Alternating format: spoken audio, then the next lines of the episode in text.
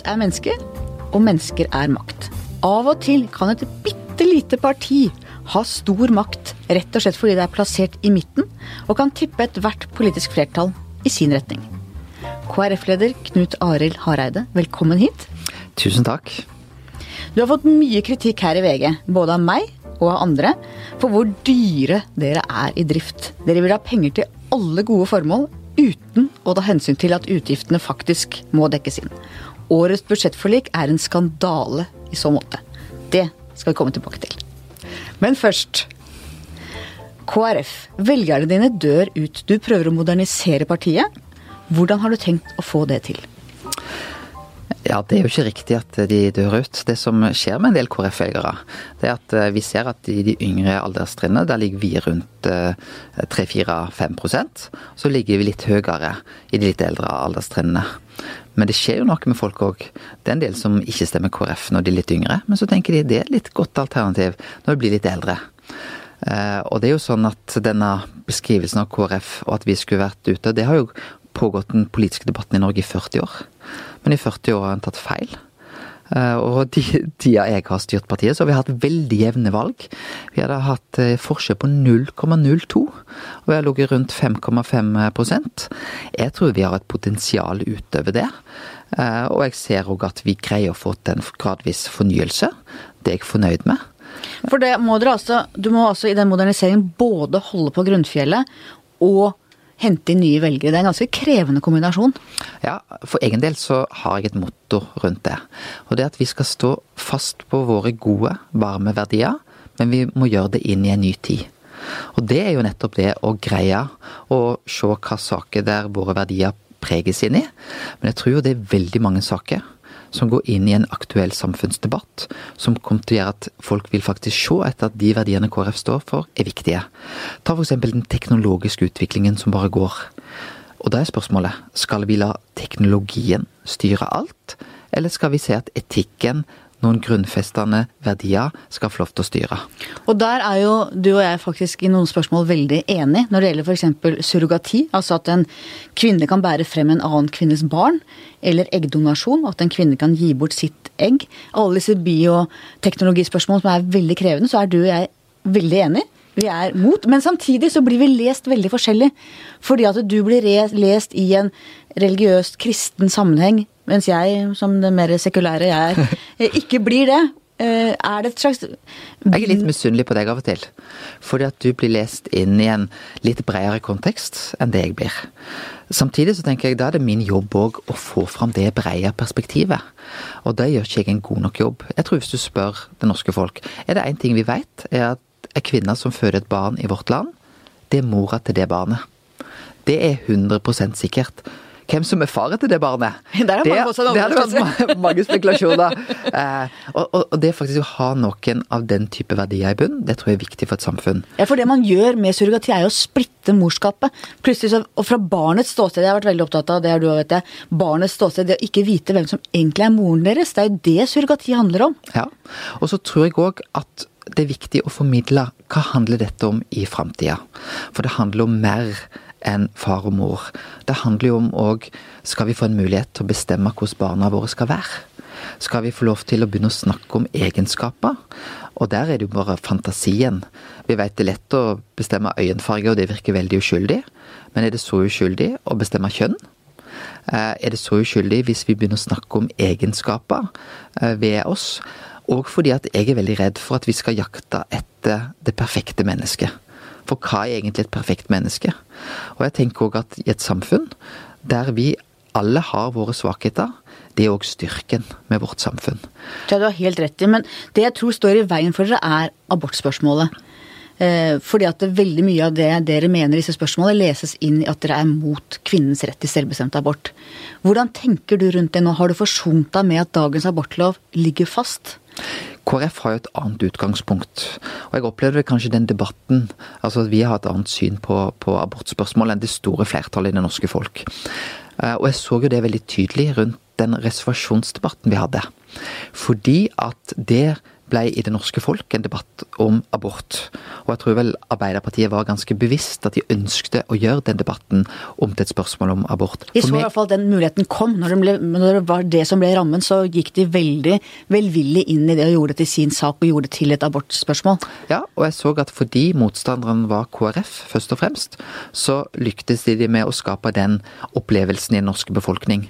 For meg var jo reservasjonsspørsmål ikke et spørsmål om abort, men et spørsmål om samvittighetsfrihet. Og det interessante der var jo at det, at det har vært reservasjonsrett for leger i dette under alle Arbeiderpartiregjeringer siden var det 70-tallet? Ja, og det var jo Vi hadde jo en abortstrid på 70-tallet, men vi greide å gå ut fra den abortstriden på 70-tallet med å si vi kan iallfall være enige om at dette er et krevende etisk spørsmål, og det må være lov til å ha ulike synspunkt uten at en skal miste arbeidet av den grunn. Og Sånn sett så var det noe prinsipielt skuffende med den debatten vi hadde vinteren 2014. For da ble det på en måte ikke akseptabelt at en kunne ha et annet syn på det. Og vi vet jo at veldig mange som går i nettopp innenfor helse og omsorg, gjør jo det fordi de er opptatt av å redde liv, ikke være med å ta liv. Og så skal jeg òg akseptere at det er lov å være uenig i KrFs syn på uh, abortlova og uh, abort generelt, men jeg hadde håpet at vi kunne ha en litt større raushet rundt spørsmål rundt samvittighetsfrihet. Hadde den debatten blitt annerledes hvis det hadde vært aktiv dødshjelp det var snakk om? Jeg tror det. Og fordi at da hadde det ikke blitt knyttet opp til abortspørsmålet sånn som det blei. Jeg tror òg kanskje den debatten hadde blitt annerledes hvis det ikke var KrF som løfta debatten. Litt overraskende så er du for pappakvote, du som også er for kontantstøtte, med valgfrihet som argument. Vi skal ikke ta den store kontantstøttedebatten der, der er vi grunnleggende uenige. Og jeg tror vi kjenner hverandres argumenter ut og inn, men hvorfor er du for pappakvote, som jo binder familiens valg? Det er fordi at jeg kommer fra næringslivet. Jeg har sett eh, hvordan presset har vært på å ikke ta pappaperm i næringslivet sjøl. Eh, den politiske arena er jo helt annerledes. Jeg hadde jo et positivt press på meg. Ja, Du kunne ikke latt være, du? Nei, og jeg tok ut lengre pappaperm enn jeg måtte nå siste gang. Og det ble bare, bare positivt. Det ble heia fram i partiet, det politiske settingen. Sånn er ikke alle deler av norsk arbeidsliv. Og det har jeg sett sjøl. Eh, så tror jeg at eh, nettopp det å ha en pappaperm gir en valgfrihet. Eh, det er veldig godt argumentert, dette er jeg helt enig men det er veldig overraskende at det kommer fra deg. Nei, det syns jeg er helt naturlig. Og husk at Dagfinn Høybråten, eh, i valgkampen i 2005 så var det han som løfta at vi måtte ha en lengre pappaperm. Det var hans viktigste sak inn i valgkampen i 2005. Da var pappapermen eh, på, i realiteten på fem uker. I dag er jo den i realiteten så er jeg opp mot 14 uker, for det er der eh, vi hadde en standard. Noen obligatorisk på 10, men jeg tror veldig mange tar mer enn det òg. Hva tenker du om religionens plass i det norske samfunnet? Ja, Den er jo paradoksalt nok sterkere. Religion er jo noe som er viktigere på dagsordenen i dag enn bare da jeg begynte i norsk politikk. Det skyldes jo den verden vi ser.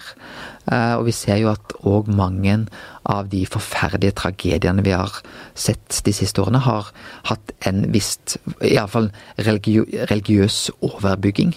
Det er jo fordi eh, islamismen, eh, og den ekstreme islamismen, har jo medført de forferdeligste ting. Og jeg tror det er viktig at vi er tydelige mot det. Vi ser jo òg at det tror jeg òg har sjokkert oss, at terroraksjoner i Europa har gått mot jøder spesielt. Det har vært en vekker for det politiske Norge. KrF har foreslått handlingsplan mot antisemittisme de siste ti åra. Ingen har hørt på oss. De to siste åra ser vi at hele det politiske Norge òg har snudd. Nettopp, tror jeg, det som skjedde i København, det som skjedde i Paris. Så religion spiller en større rolle. Og jeg mener jo òg at eh, i det nye Norge som vi ser, som jeg sa er mer fargerikt, flerkulturelt eh, og flottere enn noen gang, så tror jeg det er viktig at vi tar vare på våre historiske tradisjoner og røtter. Og da er vi rett før jul nå, og debatten har blussa opp igjen om skolegudstjenestene. Er det egentlig Human-Etisk Forbund som skyver andre trosretninger foran seg? Ja. Fortell. Det er fordi at uh, det er jo ikke noe press fra muslimer eller hinduer om å få bort skolegudstjenesten. Men det er de som ønsker å gjøre Norge til et rent sekulært samfunn. Ta bort våre tradisjoner og våre røtter. Og jeg tenker, paradoksalt nok, det var altså kirka i Norge som starta med undervisning. De gjorde det på en fantastisk måte. Mens de fleste land i Europa så var det mest eliten som fikk undervisning.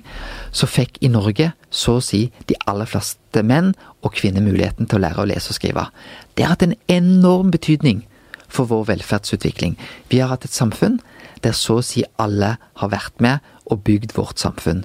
Og skole har vært viktig i så måte. Tenker du at den sekularismen er intolerant? Ja, jeg opplever det. Fordi at det er noe med å forstå at et samfunn det består av ulike livssyn. Og det er ikke sånn at et sekulært livssyn er noe mer verdt enn et religiøst livssyn. Vi må ha plass til nettopp det. Og vi har en tradisjon, vi har en historie. Men jeg er veldig opptatt av å si at vi har en kristen og humanistisk arv vi må ta vare på. Og jeg vil jo si at nettopp Human-Etisk Forbund det bør ta nettopp den som en håndsrekning. De vil bare si vi har en humanistisk arv. Det er ikke rett. Vi har òg en kristen arv. Og det har prega vårt samfunn. Og det er en av grunnene til at mange mennesker ønsker seg nettopp til Europa. På grunn av den kristne arven. Fordi verdiene der alle mennesker er like mye verdt. Der vi ser verdier bygd på ytringsfrihet, menneskeverd, nestekjærlighet, er med på å prege vårt samfunn. Det har en verdi. Og jeg tror det er veldig farlig, òg med den frykten vi opplever, at vi skal gjemme bort våre tradisjoner, våre røtter. Og de som vokser opp i Norge, jeg tror kjenner de sine egne røtter, sine egne tradisjoner, sin egen kultur. Da blir de òg tryggere på seg sjøl, og de møter det nye og det ukjente på en trygg og god måte. I VG mener vi at det skal være avmelding, ikke påmelding på gudstjenesten. Altså at du må si aktivt fra hvis du ikke ønsker å være med, ikke at du må si aktivt fra hvis du ønsker å være med. Eh, sønnen min fikk eh, påmeldingslapp i skolesekken denne uken. Det syns jeg var dumt. Um, det syns jeg òg. For det snevrer jo veldig ja, inn. Og det blir veldig motsatt av det skolen tradisjonelt har. Skolen gir et tilbud, og det er ikke sånn at du da skal melde deg på for hver dag du går på skolen. Det er faktisk det noe du ikke kan være med på, så skal du melde deg av. Eh, og det å besøke ei kirke, eh, det å oppleve det eh, Jeg mener òg det er naturlig for skoler å besøke en moské i den type områder der det er naturlig. Det er ikke for hele Norge, men det bør ikke være noe unaturlig at en skole òg gjør den type besøk. Det å ha kunnskap, kjennskap til kultur, religion og vår arv, det er en rikdom inn i våre liv. Åshild Mathisen, eh, redaktør i Vårt Land, skrev veldig godt om dette nylig. Hun er vokst opp som læstadianer. De feiret ikke jul, de mener at det er synd, de mener at det er avgudsdyrkelse, nærmest.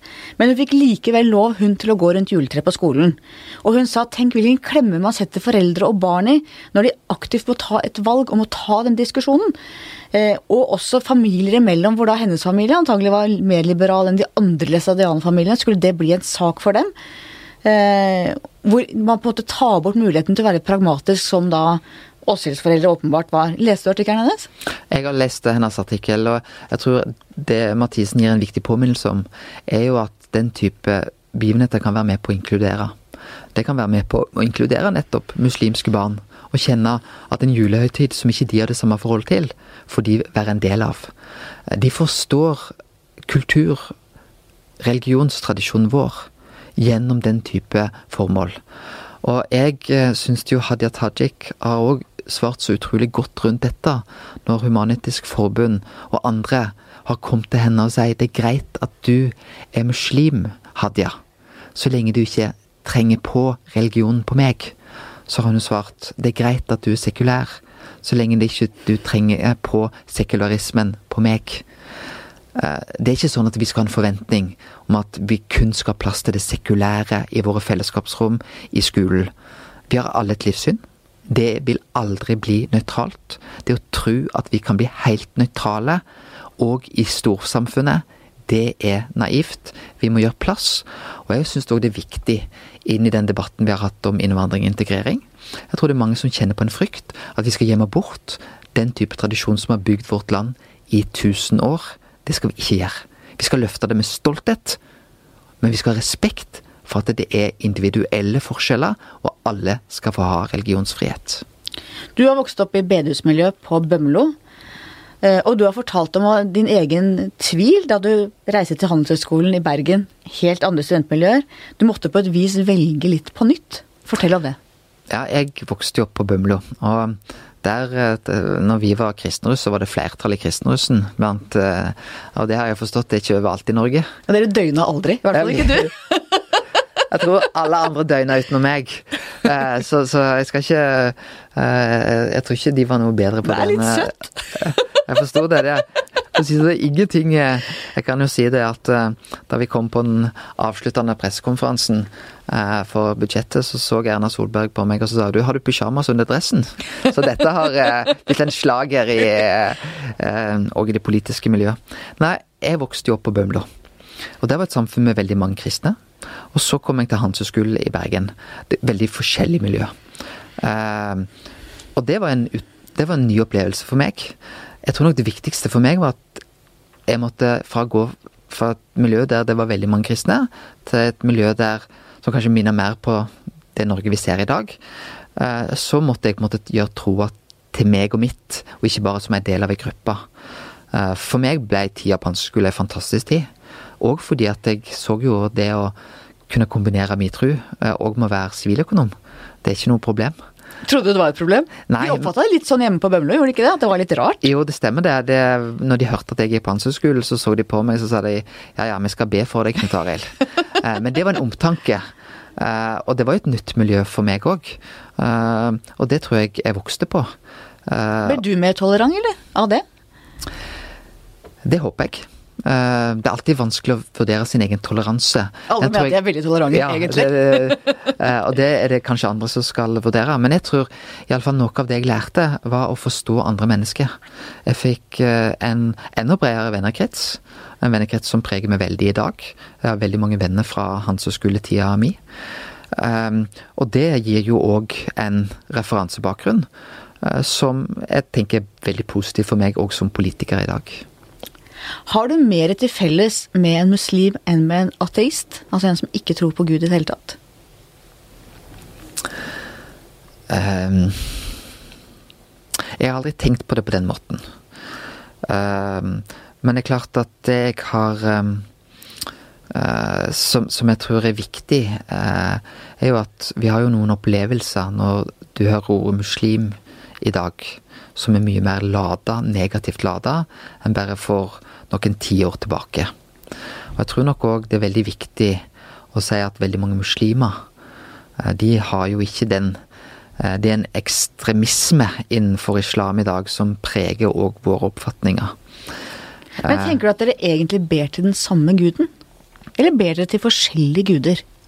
Jeg tenker nok at jeg ber til, eh, til min gud, og at det er, er den guden som, som sendte Jesus. Eh, og det skiller nok seg eh, Så tenker ikke jeg så mye på den muslimske guden. Jeg tenker på det som eh, er den guden som, som, som jeg ber til. Um, og jeg kjenner nok ikke et sånt slektskap til andre religioner, fordi nettopp kristendommen uh, er, er min tro. Um, så til mitt hovedankepunkt mot deg og KrF offentlig pengebruk. Mamma mia. Det har alltid vært dyrt å få KrF om bord. Og dette årets budsjettforlik er, syns jeg, stygg lesning. Mange gode formål. Ja da, ja da, ja da. Um, men ikke et ord i KrFs pressemelding om inndekning. Og hvis vi da ser på lista over hva man fikk til av uh, nye ting Landslinje for skiskyting på Stryn videregående. Um, oppstart pianostemmerutdanning, Norges musikkhøgskole, nye studentboliger, eh, sykkelvelodrom i Asker, eh, nytt tinghus, prosjektering i Drammen altså det er en veldig, Helsesøstre, veldig mange gode formål i og for seg. Alt er fint. Vi vil jo gjerne bruke mye penger, men det er jo altså ikke Det er liksom-penger med utbytter og engangspenger til flyktninger. Og dere snakker bare om at dere har fått til masse bra uten å si at dette er å sende regningen til eh, barn og barnebarn. Ja, Men det er ikke riktig. Jo. For det første så har vi nå de siste fire ukene snakket om at vi kan ikke overkompensere de fossile bilene.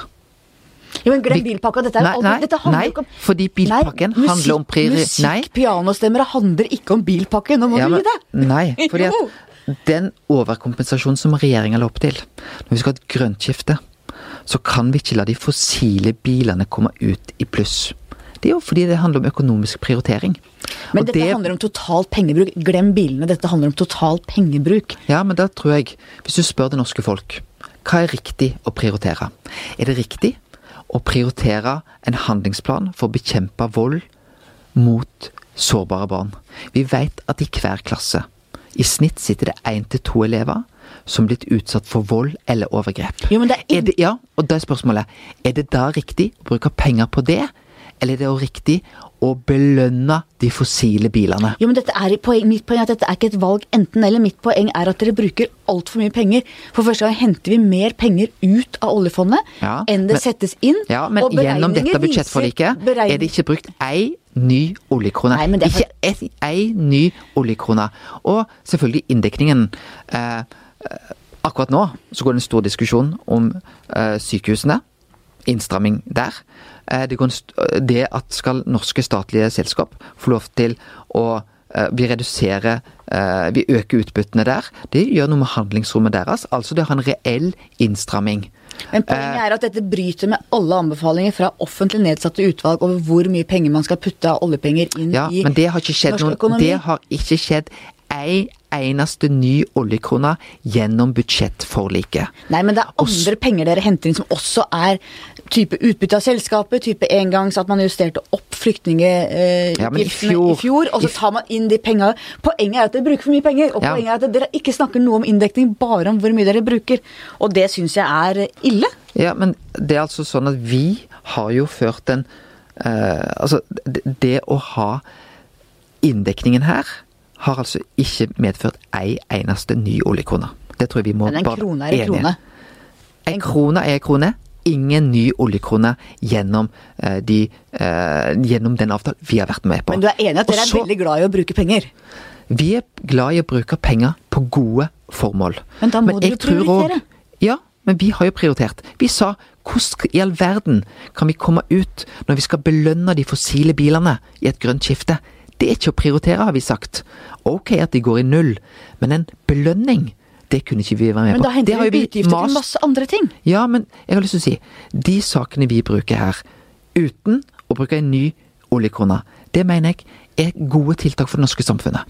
Når vi gjør noe f.eks. med overgrep mot de mest sårbare barna. Men det er ingen uenig i at det er bra å bruke penger på det, men poenget er at du må hente de penga et sted. Ja, og du de ut- skru, Og du kan ikke bare skru opp pengebruken. Fy filler'n, dere bruker mye penger, og det gjelder alle partier.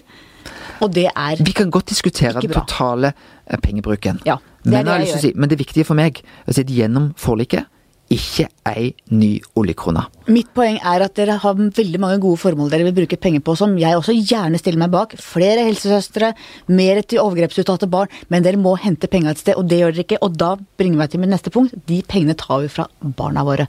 Og du har jo sjøl fått barn nå. Du burde tenke mer på dette. Ja, men som du hører her, jeg, begynner nesten å få sånn Per Sandberg-stemmer på meg. Eh, Det er, jo, det er jo fordi jeg opplever dette veldig urettferdig. Fordi at ja, KrF har mange gode formål. Men i hvert eneste budsjett så henter vi det inn gjennom en ansvarlig politikk. Og vi gjør noen andre prioriteringer. Vi belønner altså ikke de fossile bilene. Vi sier at de skal gå i null. Men jeg, på en måte kan jeg si at jeg er enda mer skuffa ved Høyre, for at dere har litt sånn, dere er litt utgiftsparti. Det må du ta med Høyre. Mens Høyre jo gikk til valg på å føre en ansvarlig politikk og være garantisten for det, og det har de jaggu ikke levert på. Men tilbake til barna og livet sjøl. Dette var litt av en overgang. Det var jo så hyggelig så lenge. Hanne. For du var en slags evig singel, ikke sant? Så traff du kjærligheten på ordentlig. Klarer du å nyte livet mer enn du gjorde før? For du har snakket om at du har ikke vært flink nok til å nyte livet, du har vært veldig sånn på. Jeg, jeg tror det. Eh, Jeg traff jo Lise Maria Jeg traff henne egentlig for en del år tilbake i tid. Jeg traff henne allerede i 2005. Jeg husker jeg dro på skjærgårdsgospel i eh, svart statsrådbil. Eh, og så oppdaga jeg da Lise Maria. Og jeg sendte faktisk den eh, svarte limousinen hjem, uten, eh, hjem til Oslo uten meg. Men så traff jeg henne, og Ja, Ble dere litt kjærester da, liksom? Eh, Flørta litt? Ja, det tror jeg trygt vi kan si. Men så dro hun til USA. Og det ble jo vanskelig å holde kontakten. Hun traff faktisk en US Army soldier Um, Som hun var kjæreste med da hun kom tilbake hit, eller? ja, det, det var, Konka du ut en amerikansk altså, soldat? jeg, har alltid, jeg pleier å si hun trengte noe litt mer macho, så hun kom hjem til meg. Men du konka han ut? Uh, ja, det tok litt tid. Det tok litt tid. Du jobba litt. Så vi, vi møttes først fem-seks år seinere, da. Men det har betydd veldig mye for meg.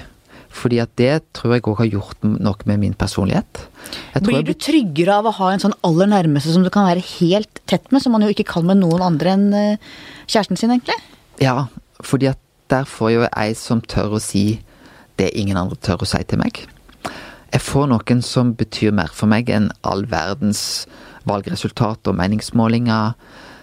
Jeg får på en måte en trygghet på at det er noe som er viktigere enn jobben min. Ehm, og noen som òg drar meg ut av min politiske boble, om jeg vil eller ikke. Eh, Så det gir jo en annen dimensjon i livet. Og hva betyr det for en toppolitiker når du er helt på toppnivå i politikken? Å ha en sånn aller nærmeste? Ja, For meg har det betydd veldig mye. Og fordi Lisa er, hun preger meg politisk. Hun er veldig engasjert. Eh, hun preger meg i skolepolitikken. Hun preger meg òg, hun gir meg veldig mange råd. Hun er førskolelærer? Eh, eh, hun er lærer. Barneskolelærer? Ja. Ja. Og hun utfordrer meg selvfølgelig på hennes fagområde mye, men òg på, på helheten. Hun gir meg uh, råd. Uh, faktisk sånn at jeg av og til sier nei takk, nå er det fredag kveld. Nå er det snart Nytt på nytt. Og jeg uh, trenger ikke høre hva jeg skulle gjort litt annerledes denne veka. Men det er ingen som er så nært på meg, og som ser meg, som jeg, jeg vet er så utrolig glad i meg, men som òg rettleder meg som en kritisk venn. Eh, Men det viktigste er nok at hun har gitt en dimensjon som gjør at jeg tror du ser en tryggere Knut Arild i 2016 enn jeg var da jeg gikk inn som partileder i 2011. Er du tøff nok? På et tidspunkt så var jo det et spørsmål nesten alle portrettintervju med deg. Er du tøff nok? Og du spurte deg sjøl òg. Er du tøff nok? Er du det i dag? Jeg hadde ikke noen sånn drøm om å bli partileder i KrF i 2011. Jeg kunne godt tenke meg å bli partileder, men jeg hadde nesten tenkt at Dagfinn skulle sitte litt til. Og fordi at um, Nettopp kanskje òg pga. familierelasjoner. Det er ikke en topp kombinasjon av å ha en, en datter på tre og et halvt og en eh, gutt på ett og et halvt, og det å være partileder. Men jeg tror jeg har styrken til å greie det. Eh, Så tror jeg òg at eh, Jeg har litt tro på det at å vise noe av sin svakhet skaper òg en viss nærhet. For meg så er det sånn at de som er aller nærmest meg, og som jeg er mest glad i, de har vist òg noe av sitt sårbare. Og jeg er ikke redd for å vise noe av mitt sårbare, og jeg er heller ikke redd for å vise at folk rundt meg påvirker meg, og at jeg lytter til dem. Sånn mener jeg politikken skal være. Jeg setter meg alltid grundig inn i ting, men jeg lar meg òg påvirke for de gode argumentene og for de gode tankene. For du har sagt at den nye mannsrollen er et forbilde for deg. Utdyp det. Det at jeg ønsker å være en pappa som skal være til stede. Eh, og at det, det skal være sånn at uh, Sa Margrethe og Tord Olav skal oppleve at eh, det er ikke bare mamma. Eh, jeg husker da Sara kalte broren min for pappa. Eh, det var ikke noe hyggelig. Det var ikke noe hyggelig. Eh, og jeg skal være så ærlig og si at dette er jo det vanskeligste i mitt liv. Vanskeligere enn budsjettforhandlinger. Vanskeligere enn det politiske arbeidet. Er faktisk den kombinasjonen av å være partileder i KrF, stortingsrepresentant fra Hordaland, og være pappa og ektemann. Skikkelig tidsklemme, altså. Ja. Du har eh, alltid hatt et sterkt ønske om å gjøre en god figur. Ja. Jeg tror eh, det ligger jo litt på det at jeg er opptatt av hvordan andre tenker og mener. Eh, Men jeg tror nok òg, som er inne på, at noe av den Jeg tenker om meg sjøl, jeg er tryggere. Jeg er mer avslappa. Speila du deg mer før i Ja. andre? Og jeg tror Lise Maria er, er med på å gi meg den tryggheten.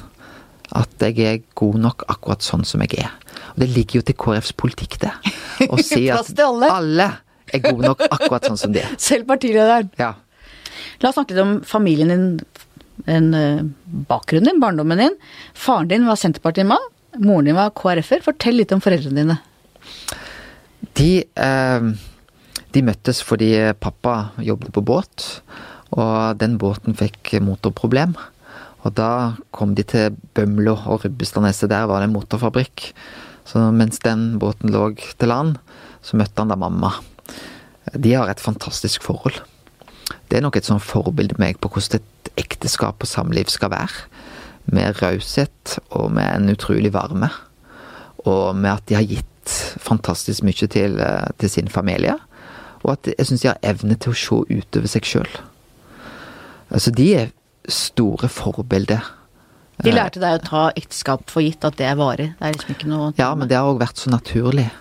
Eh, de har vist en eh, eh, Og de har jo hatt nettopp dette med at de kom fra to politiske parti. Så har de et engasjement.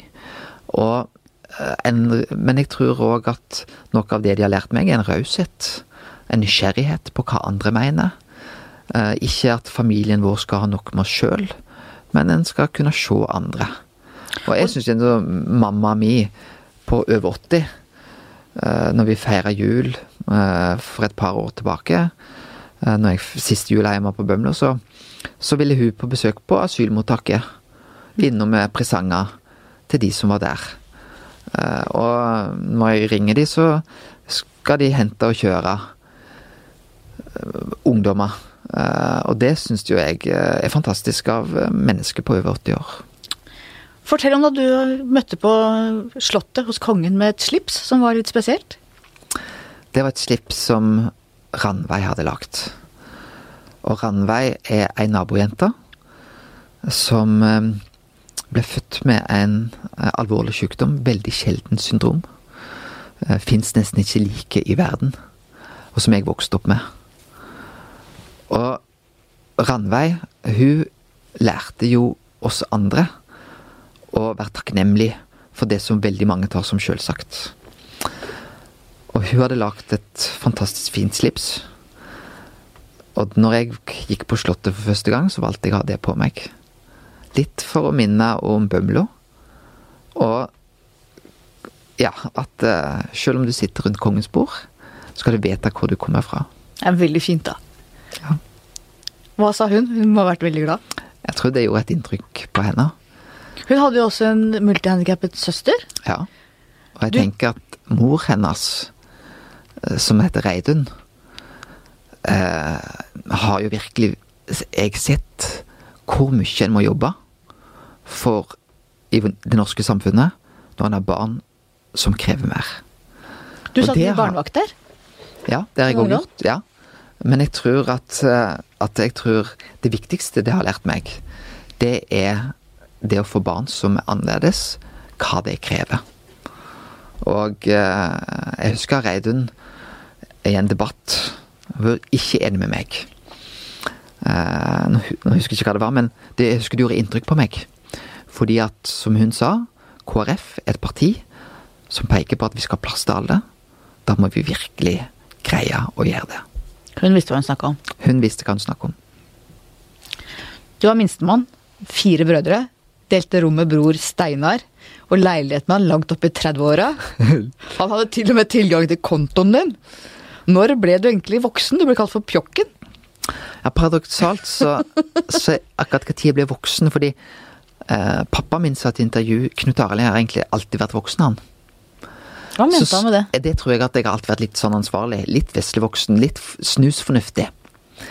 Men så er det òg sånn at det er en del ting som Steinar har styrt i mitt liv. Han har bestemt når jeg skulle kjøpe leilighet. Uh, den type Men jeg har ikke sett på det som at jeg ikke tar ansvar. Jeg har outsourca det og sagt det styrer du. Og så ser jeg at beslutningen er riktig. Og for gang for gang så så jeg at han tok riktig beslutning for meg. Han fikk meg inn på boligmarkedet i 98. Det var lurt. Uh, og han kjøpte tomt for meg, uten at uh, Lisa og jeg egentlig visste hva vi gjorde. Og vi bygde hus. Uh, det var vi godt fornøyd med, helt til vi nå oppdaga at byrådet i Oslo har lyst til å bygge høyblokker akkurat der. Å nei. Men det, det må vi leve med. Um, ja, du, du har alltid vært voksen, sier moren din og faren din. Du lekte sjelden. Gjorde lekser til seint på kveld. Var med i Speideren og i TenSing. Det var litt sånn nerdete, pliktoppfyllende flink gutt. Flink gutt-syndromet? Jeg tror pliktoppfyllende er et ord som ligger tett opp til meg. Uh, om det var så nerdete, det vil, vil jeg ikke mene sjøl, men der er det andre som sitter på fasiten. Men jeg var nok veldig opptatt av å gjøre det som skulle være rett, og til riktig tid. Og det å komme uforberedt til en prøve, det var for meg utenkelig. Sånn sett hadde jeg i ettertid vurdert at jeg burde ha sluppet meg litt mer fri. Og hvorfor ble det sånn? Det var ikke noe press fra foreldrene dine eller brødre? eller? Det ligger nok i min personlighet. Uh, hvordan jeg er. Uh, og der tenker jeg at, uh, at vi er jo Det å ta lærdom av hvordan vi er, og utvikle oss, det tror jeg. Og jeg var veldig pliktoppfyllende. Jeg fikk aldri beskjed om å gjøre leksene. Jeg gjorde det sjøl. Jeg jobbet til jeg var klar. Og det preger meg nok òg som politiker i dag. Og det gjør jo, kall det òg den kombinasjonen av å kjenne at jeg alltid skal være forberedt, alltid skal være beredt, og med eh, småbarnslivet det er en vanskelig kombinasjon. Er det sant at du begynte å spare til studietiden da du var ti år? Eh, det, eh, at jeg begynte å spare tidlig, hva tid jeg gjorde det, det er jeg litt usikker på. Men jeg var litt sånn bekymra for hvordan dette med økonomi skulle gå. Du syntes foreldrene brukte litt mye penger av og til? og sånn? Ja, det husker jeg. Du tok det opp, eller? Familieråd? Eh, ja, vi hadde ikke så mye familieråd. Men, men du meldte din bekymring? Jeg meldte min bekymring. Jeg så ikke helt hvordan dette skulle gå i hop. Og det Jeg hadde nesten ikke de behovet for å gjøre veldig sånn um, dyre ting. Jeg var litt snusfornuftig. jeg kan se det for meg! sånn er det jo òg i politikken, som du sier at vi er altfor dyre, så det er helt feil. Det er en snusfornuftighet over KrF. Veldig dyr snusfornuftighet, da. Men du hadde jo ikke noe særlig til ungdomsopprør, eller? Nei. Og fordi Der tror jeg nok at jeg hadde fire brødre som gikk foran meg. Jeg hadde ingen Jobben leggetid. Jobben var gjort. Uh, og så tror jeg den kombinasjonen av litt min personlighet, så tror jeg ikke foreldrene mine hadde veldig behov for å sette den type ramme. Men selvfølgelig så var det diskusjoner om skulle vi dra på den turen med den gjengen. Uh, og uh, mine foreldre som ikke, Jeg har ikke kjempegamle foreldre til min alder å være, men, men mine venner hadde litt yngre foreldre. Så for eksempel forståelsen for friluftsliv, det var ikke mamma og pappa sin styrke. Men det er ikke så mye ungdomsopprørere skulle ha mye friluftsliv, da. Nei, det kan du. det var det beste jeg kom på akkurat nå. Fantastisk. Men du var altså en avholdsmann som har solgt øl for millioner? Ja, det stemmer. Fortell. Ja, jeg, jeg er avholdsmann, eh, og var det, men så Eh, ble jeg plutselig leder for studentorganisasjonen på Norges handelshøyskole. Og de har jo da et ølsalg på I min tid så lå det på ca. 12,5 millioner i året. Eh, men jeg outsourcer det òg til eh, eksternansvarlig Erlend Lappegard. Og han var mye bedre både på å drikke øl enn meg, og på å forhandle. Og han var veldig fornøyd med den arbeidsdelingen, og jeg var veldig fornøyd. Men jeg må innrømme det at jeg jeg står ansvarlig for eh, ganske Jeg tror ikke det er så mange KrF-ledere som har solgt så mye øl som meg. Men vi hadde en sånn tradisjon at det skulle være gratis øl av og til. Og det fikk jeg endra for alltid. Nå er det både gratis øl og gratis brus. Nettopp. Dette er veldig ungdomsopprøraktig. Ehm, du har dysleksi ja. som Erna Solberg har, mm. Eh, og som Trine Skei Grande, venstrelederen, har. Hva har det betydd for deg og din utvikling og ditt liv? For meg har det betydd veldig lite. Fordi at jeg fikk hjelp. Jeg hadde en lærer som heter Ingeborg Halleraker, som så meg, som hjalp meg. Som så at jeg sleit med forskjell på D og B. Og B og P. Men var det derfor du gjorde så mye lekser, tror du? Eh, Eller jobba så hardt? Var det en altså, Hun ga meg mulighet til å få ekstralæring på det som jeg gjorde på min fritid. Hun ga meg også, som gjorde at jeg aldri følte at jeg kom etter resten av gjengen.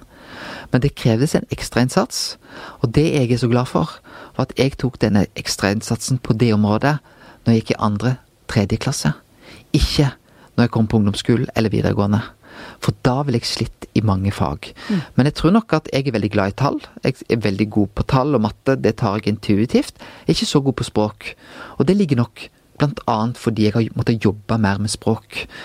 Um, uh, men akkurat nå, når jeg har fått flere lærere inn i første, andre, tredje, fjerde klasse, så tenker jeg på meg sjøl. Hva betydning det har at istedenfor at vi får masse ekstraundervisning langt opp i klassetrinnene, så må vi hjelpe barna. Det er ikke noe galt i å ha problemer med å lese og skrive når du går i første, andre og tredje klasse, men det er en kjempeutfordring hvis du sliter med det på slutten av ungdomsskolen og inn i videregående.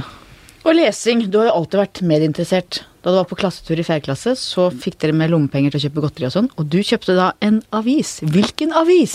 Jeg kjøpte VG Ja! for seks kroner. Og så hadde jeg fire kroner igjen til en sjokolade. Men du har alltid vært opptatt av medier. Du jobba en stund i Skipsted. eh, Mediebedriften som eier bl.a. VG. Var eh, til slutt organisasjonsdirektør. Bor det en næringslivsleder i deg, eller? Egentlig? Det å få jobbe i Skipsted syns jeg var et enormt privilegium. Kombinasjonen av næringsliv og bedrifter som virkelig løfter opp kall det samfunnsånden i vårt samfunn, det var en fantastisk tid for meg. Eh, Jeg jobbet jo aldri med det redaksjonelle, eh, men jeg tror at en sånn bedrift så blir jo prega. Og jeg husker at jeg hadde noen møter i den tida der det gikk en sak med Ingunn Nussen og Gerd Liv Valla. Og derfor, eh, jeg eh, da innkalte noen med redaksjonell bakgrunn. Selvfølgelig kom ikke de på det møtet, for de hadde viktigere ting. Eh, Det var jo sånn at selv om vi snakket om business, så starter jo ofte møtene med å diskutere dagsaktuelle ting. Og det tror jeg det var nettopp den kombinasjonen av næringsliv, samfunn eh, og et bredt samfunnsengasjement. Eh, det var Derfor så var Skipsted mitt førstevalg etter studiene, og jeg er utrolig glad for den tida. Eh, Hvordan ser du på dagens situasjon i Medie-Norge, med de, de utfordringene vi Den er veldig dramatisk. Og fordi at dette er en utvikling vi har visst over lang, lang tid. Men når vi nå ser hvor mange av annonsekronene som går til vestkysten av USA Facebook, Google, Google. Ja. Og det skjer veldig uh, fort. Jeg har nå ei, uh, ei kone som starta opp en uh, bedrift, og plutselig så Altså, der hun tenker å bruke annonsekroner, det er på Facebook. Og sånn er det med veldig mange. Og hva kan vi gjøre for å redde journalistikken? Ja, Jeg tror kanskje vi må tenke litt nytt rundt dette. Fordi at det å ha kritisk journalistikk, det er et utrolig viktig gode for vårt samfunn. Og jeg har lyst til å si, jeg ser det ekstra tydelig som politiker. Eh, Jeg tror vi har veldig lite korrupsjon i vårt land. Men jeg tror uten et kritisk blikk, så ville den type vokst. Det sies jo at, at man rundt i styrerommene sier 'tåler det vi nå skal gjøre', førstesida i VG. Og det tenker jeg er et veldig godt pre preventivt korrupsjonsforebyggende eh, virkemiddel. Ja, og jeg tenker òg at alt jeg sier, skal tåle i hver forside på VG. Det er òg et forebyggende og godt tiltak. Ehm, så, så, så det å ha den kritiske journalistikken Jeg tror vi glemmer hvordan det er andre plasser der vi ikke har den frie presse. Og hva gjør vi da? Så vi ikke ender opp med bare NRK. Og det som er min bekymring òg, er eh, Ta òg som Ja, men jeg er òg opptatt av NRK. Men det er bra, men de er jo sikra. Ja, Men de eh, blir større og større for at vi andre blir mindre, ikke sant? Eh, så, så er det sånn at siste Vi har jo på en måte òg hatt etter eh, internettets fremvekst, så har vi på en måte hatt det veldig positivt i journalistikken. Fordi at det ble enklere, det ble større bredde, større mangfold. Nå ser vi at annonsekronene på de mer tradisjonelle mediene er i fritt fall. Og da er det min bekymring er den grunnleggende journalistikken. Eh, Den som, som går i dybden, som tar tid å avsløre, som er irriterende men som bygger opp et fellesskap og bygger på noen verdier som er utrolig viktige for oss. Jeg tror ikke jeg har alle løsninger på dette, men vi har jo kjempa gjennom et momsfritak eh, som KrF eh, sikra, bl.a. på de nye digitale tjenestene. Det var veldig viktig. Det var viktig. Eh, Jeg tror vi òg er nødt til å se på hele vår pressepolitikk, fordi den er lagt opp til ei annen tid. Jeg tror at dette er òg Noen vil si at dette er at pressepolitikken vår vil kunne bli dyrere. Jeg tror at det vil koste litt, og å ha et mediemangfold. Og det må vi òg ha, ikke bare kall det med offentlige tjenester, vi må òg ha det på gode private aktører. Eh, Og den sammensetning, den dynamikken vi har i norsk medielandskap, den er verdifull, og den må vi ta vare på. Ja, dette er jeg helt enig i. Vi nærmer oss slutten. Må snakke litt om noen andre vanskelige valg i livet. Og vi må snakke ordentlig om det, for hvis det bare blir babbel, så klipper jeg det vekk. KrF er ikke lenger garantisten for en blå-blå regjering, og utelukker å sitte i regjering med Fremskrittspartiet. Betyr det at du anser KrF som fristilt etter neste stortingsvalg, dersom Erna Solberg ikke velger dere, men fortsatt velger Frp? Vi har sagt at hvis ikke det blir en regjering som vi ønsker oss, mellom sentrumspartiene og Høyre, så er det mest sannsynlig at vi går i opposisjon. Så blir det jo veldig galt å utelykke ting 100 Eh, det er ikke klok forvaltning av de stemmene som, og de velgerne som har stemt på KrF. Men det betyr Jeg, at du ikke kommer til å peke på noen statsministerkandidat? At dere rett og slett kommer til å være helt uh, i midten, og ikke, ikke, stå for noe regjeringsalternativ? Det vil jo da si at uh, velger Erna Solberg og ikke peker på, på oss, så er det mest sannsynlig at vi går i opposisjon. Ehm, så er det jo sånn at nå skal velgerne få lov til å si sitt òg. Men da vil KrFs velgere ikke vite hvilken regjering de får hvis de stemmer på dere? Eller jo. hvilken statsminister de får hvis de stemmer på dere? De vil vite at vi går til valg på en sentrum-høyre-regjering. Men det er jo ikke realistisk. Ja, der er jeg uenig. Fordi at eh, nettopp en sentrum-høyre-regjering, den har den fleksibiliteten at vi vil kunne samarbeide to veier. Både eh, mot Fremskrittspartiet, men òg den andre veien. En blå-blå regjering jo, er jo mer bunden Ok, Men hvis Erna ikke gjør det, da? Hvis hun ikke velger det? Hvis hun ikke ja, bryter det? Men jeg har også sagt har at Erna Solberg Jeg forstår at vi kan ikke utfordre Erna Solberg på det valget nå. Eh, hun sitter i en regjering med Høyre og Fremskrittspartiet. Men etter et valg så tror jeg at nettopp det valget kan være åpenbart at Erna Solberg vil velge. Eh, men det er jo sånn at med samarbeidsvedtak så er det ikke sånn at alt kan være låst 100% Det vil jo eh, ikke være naturlig. Så syns jeg at denne siste tida òg har vist den politiske avstanden mellom sentrum og Fremskrittspartiet. Og jeg tror òg det blir galt eh, å antyde at vi ser det for oss som realistisk med et regjeringssamarbeid mellom sentrum og Frp. Disse årene har jo vist at det sannsynligvis var riktig, det valget vi landa på, ut ifra respekt for den politiske forskjellen det er mellom partiene. Eh, Aps nestleder Trond Giske er jo veldig opptatt av at KrF gjennom hele statsministertiden til Gro Harlem Brundtland den var ganske lang, eh, var med på budsjettforlikene med Arbeiderpartiet. Er det en rolle du kan se for deg ved en eventuell Arbeiderpartiregjering? At det blir budsjettforlik den veien at dere bidrar til det? Det er naturlig for KrF å søke innflytelse ved en hvilken som helst regjering. Eh, så ligger det et ansvar når vi peker på sentrum høyre. Da ligger det noe primært i det. Det er helt riktig som Trond Giske sa. Det var jo et samarbeid mellom eh, Gro Harlem Brundtland-regjeringen og sentrumspartiene, både Senterpartiet og KrF. Men det snudde jo den dagen Bondevik I kom. Da sa jo Arbeiderpartiet helt nei. Og det tror jeg de angra på. Jeg tror det var lite klokt av de. Det tror jeg de angra på. Hvor opptatt er deres velgere av regjeringsalternativ og av hvem som er statsminister i Norge? Undersøkelser viser jo at det KrF-velgerne er opptatt av, det er å få KrF i regjering og få innflytelse. Så tror jeg at Erna Solberg står ganske sterkt i vår velgermasse. Og fordi den personen og lederen hun har vært. Eh, jeg setter stor pris på Erna. Hun er ei dame som til hver tid gjør det hun mener er rett. Og derfor har jeg nok òg vært litt forbausa de siste månedene over det ultimatumet. For det er så veldig lite Erna Solberg over det. Hva liker du best ved Arbeiderpartiet og ved Jonas Gahr Støre? Ja, Jonas Gahr Støre er en person som jeg har veldig stor respekt for. Han er en kapasitet, en sjelden kapasitet. Um, og eh, det er jo ikke tvil om at på en del av de sosiale feltene så har alltid KrF og Arbeiderpartiet stått hverandre nært. Hvis vi ser på bistand, eh, og tenkningen rundt å løfte hele samfunnet, det er ting som ja, den kristne bevegelsen og bevegelsen har stått sammen om. Spørsmål rundt alkohol har òg vært tema vi tradisjonelt har vært nærmere hverandre enn ikke-sosialistisk. Og det er jo sånn at KrF er jo et genuint sentrumsparti. Jeg hørte eh, den jeg sitter og samtaler med nå, i et radioprogram i går, bruke et uttrykk som at ja, de er jo full splittelse. Nei, vi er et sentrumsparti. Det er helt naturlig at vi i enkelte saker er enig med ikke-sosialistisk side. Det er helt naturlig at vi er enig med venstresida i andre saker. Det er jo det å være et genuint sentrumsparti. Så er det litt ett fett hvem som er statsminister, så lenge dere får gjennomslag for Ja, jeg tror politikken er viktigere. Politikken er viktigere.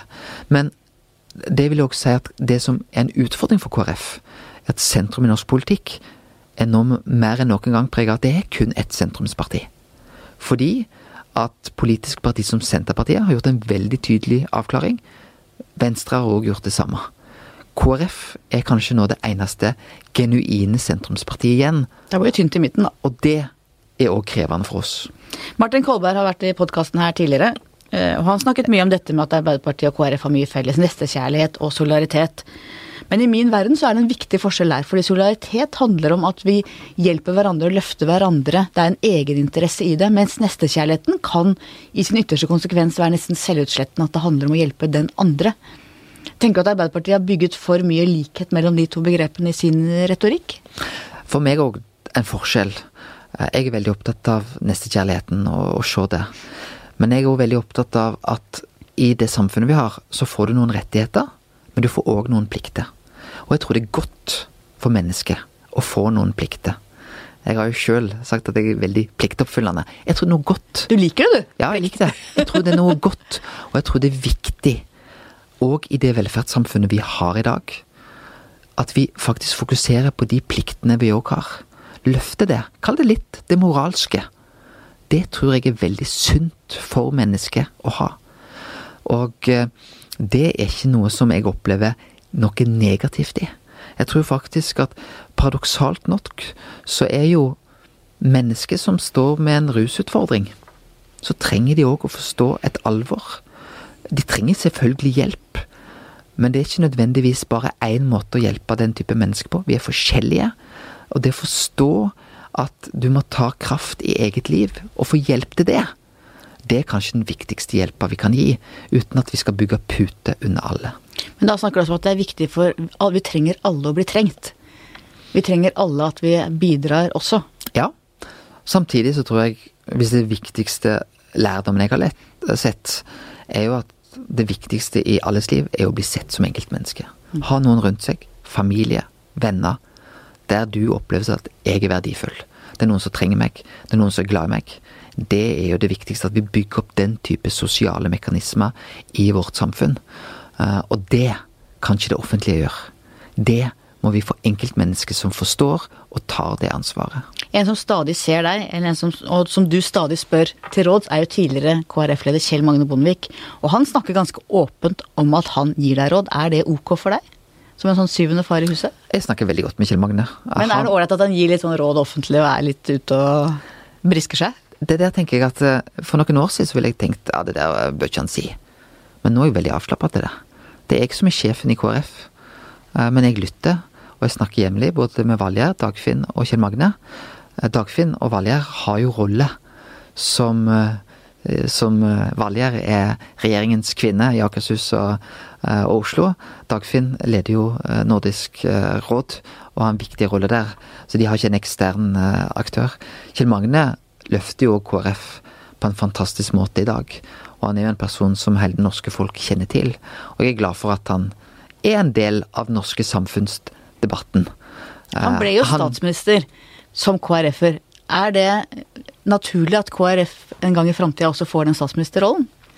Eller er det mulig? Åpner du for det? Jeg tror Kjell Magne ble det av sin uh, At han uh, var et unikt politisk talent. Det var en gitt situasjon. Jeg tror vi skal være så ærlige og si at uh, det vil nok heller være unntakene at KrF får statsministeren. Hadde du hatt lyst, eller? Jeg tror alle som er politikere har lyst til å bli statsminister.